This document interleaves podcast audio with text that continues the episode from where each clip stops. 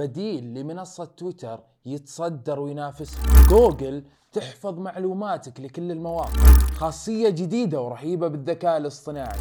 الذكاء الاصطناعي وصل حتى للروائح. الذكاء الاصطناعي يسرب حتى معلومات سامسونج. اليوم جبنا لكم آخر تحديثات وابتكارات الذكاء الاصطناعي والتكنولوجيا في حلقة جديدة من سماشي تك خلونا نشوفها سوا.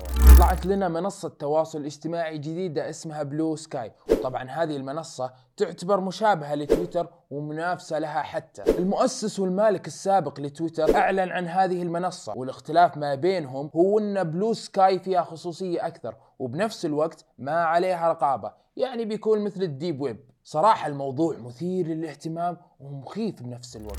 جوجل ريحتنا وأطلقت خاصية passkeys اللي تحفظ لك أرقامك السرية وتقدر تأكد هوية بصمتك أو بصمة الوجه. أهم شيء إنك تستخدم هذه الخاصية بجهاز واحد بس واللي هو جهازك الشخصي حتى تتفادى الاختراق وتضمن أمان معلوماتك.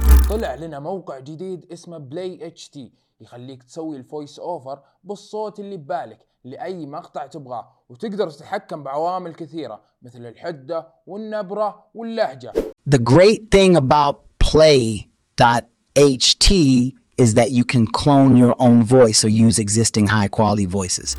وغيرها مثل هذه الخاصيات الرهيبة اللي بتخلق ثورة مجال صناعة المحتوى لأنها تسمح لصانعين المحتوى إنهم يطلعون بمحتوى مرئي ومسموع بوقت أقصر وجهد أقل.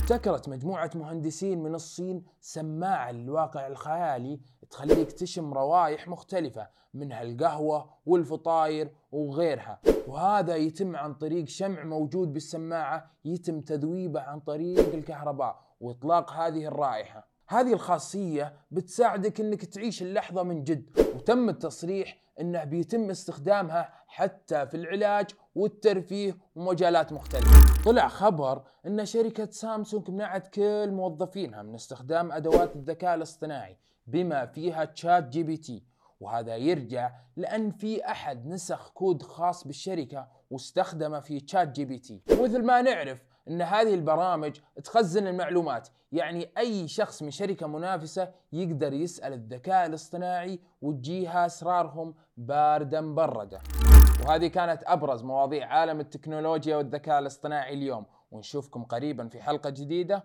وسلام عليكم.